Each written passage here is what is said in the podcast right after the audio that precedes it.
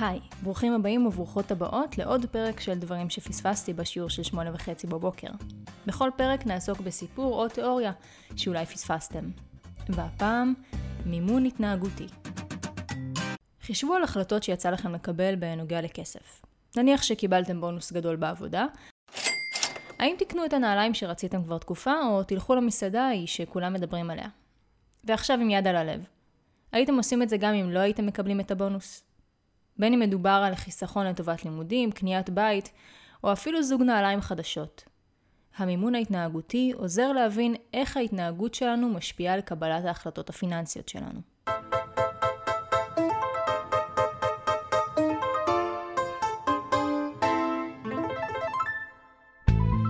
ניקח למשל את החשבונאות הנפשית, או באנגלית Mental Accounting, אשר בוחנת את הדרך בה שיקולים רגשיים משפיעים על קבלת ההחלטות הכלכליות שלנו.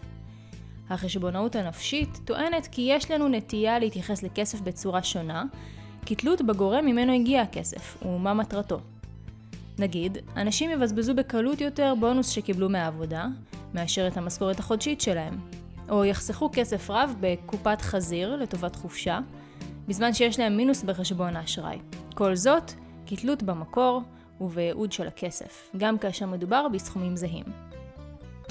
תורת הערך, או פרוספקט תיאורי, שפותחה על ידי זוכה פרס נובל דניאל קהנמן ושותפו עמוס טברסקי ב-1979, בוחנת את האופן בו אנו נוטים לקבל החלטות בתנאי אי ודאות.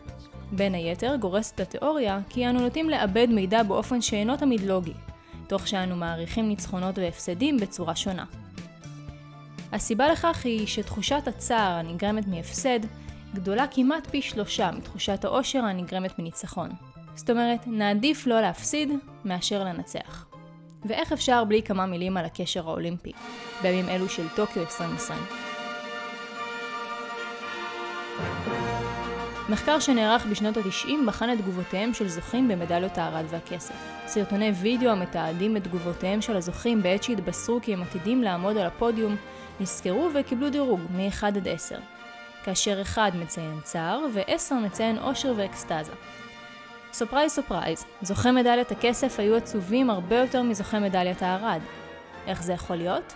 ובכן, בעוד שהגיוני להניח שזוכי מדליית הכסף ישמחו מכך שהם במקום השני הטוב בעולם, הם בעיקר התרכזו בעובדה שהחמיצו את ההזדמנות לזכות במדליית הזהב, ובכך שהם למעשה הראשונים להפסיד. או כמו שאומרים, כל כך קרוב. מצד שני, זוכי מדליית הארד התרכזו בעובדה שהיו מאוד קרובים לזכות במקום הרביעי בלבד, ולא לעמוד על הפודיום כלל, כך שכל מצב שבו הם עומדים על הפודיום עם מדליה על הצוואר, נחשב לניצחון. בקיצור, ניצחון והפסד מקבל ערך שונה כתלות בנקודת הייחוס. כהנמן וטברסקי הסבירו גם כי חלק גדול מההתנהגות שלנו בעת קבלת החלטות פיננסיות מונעת משנאת הפסד.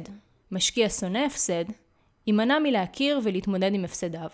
אפילו כאשר מדובר בצד שישפר עבורו את הרווחיות. בקיצור, נסו לאהוב את הניצחונות שלכם כמעט כמו שאתם שונאים להפסיד. ואל תבזבזו את כל הבונוס ההוא שקיבלתם במקום אחד.